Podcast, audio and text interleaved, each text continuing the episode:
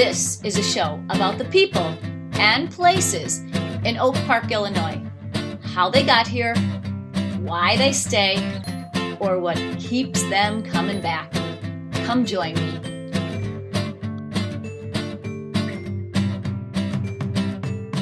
Hello, Oak Park enthusiasts. Welcome to All Things Oak Park. This is Terry Clancy. So, this episode, I want to tell you about me how I got to Oak Park, why I stay, and why I started this podcast. And there are actually three reasons why. So, I grew up in the south side of Chicago.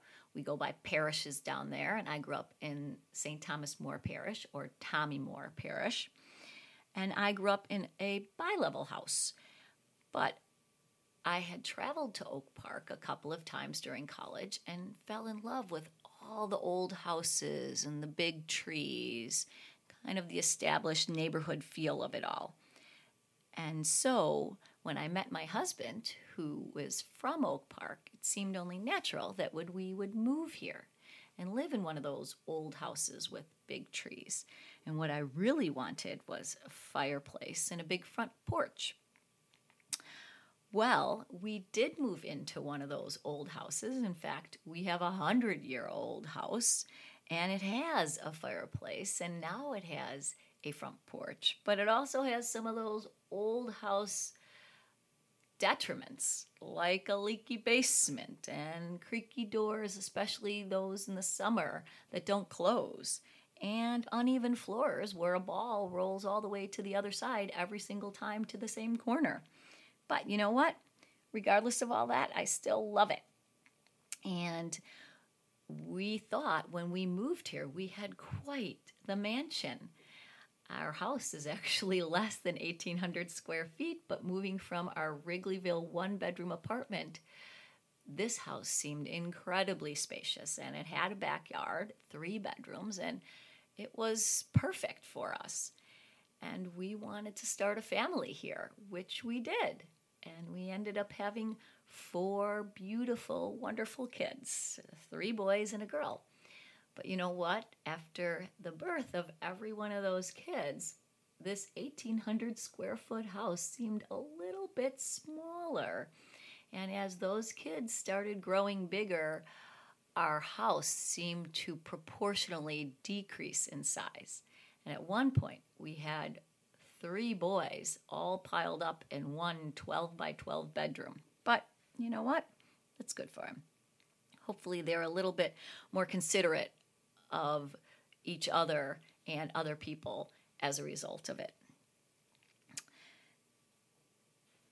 But even though our house seemed smaller with every child that was born, our community seemed bigger. And with kids' activities and getting involved in our community and their schools, our community size grew bigger and we got to know a lot more about Oak Park and we got to know a lot more Oak Parkers, which seemed wonderful. And I can't say enough good things about Oak Park and how great it is to live here among all these old houses and these beautiful trees and these wonderful people. And that is reason why I wanted to start this podcast. So the rest of the world got to know about some of these incredible people and beautiful places. I certainly don't know it all, and I really want to find out more.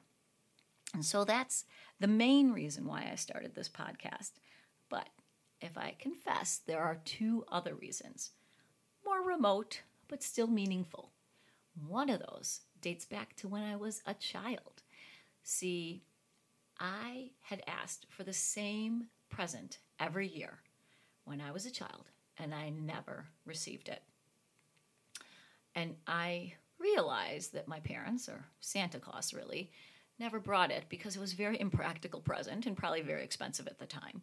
And I never got it. Well, not until about a month ago when I bought it for myself.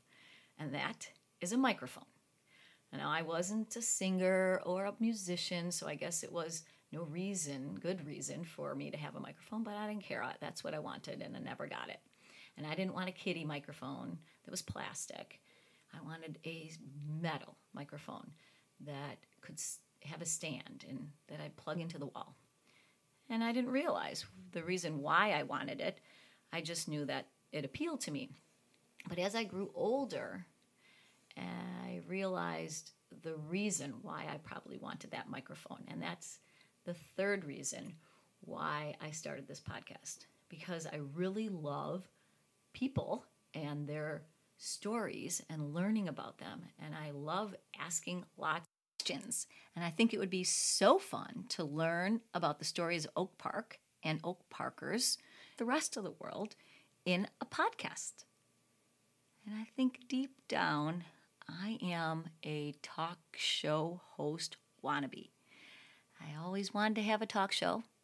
I ended up being a lawyer and I have my own business, Teresa Clancy Law, in Oak Park as an estate planning lawyer, which I love, but I also think I will love having a podcast and being a audio talk show host.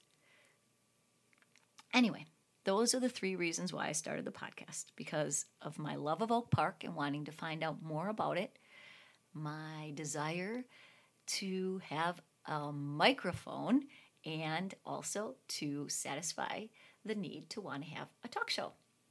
So, I hope that you will find the interviews and investigations into the people and places of Oak Park as fascinating as I do and I think it'll be a lot of fun.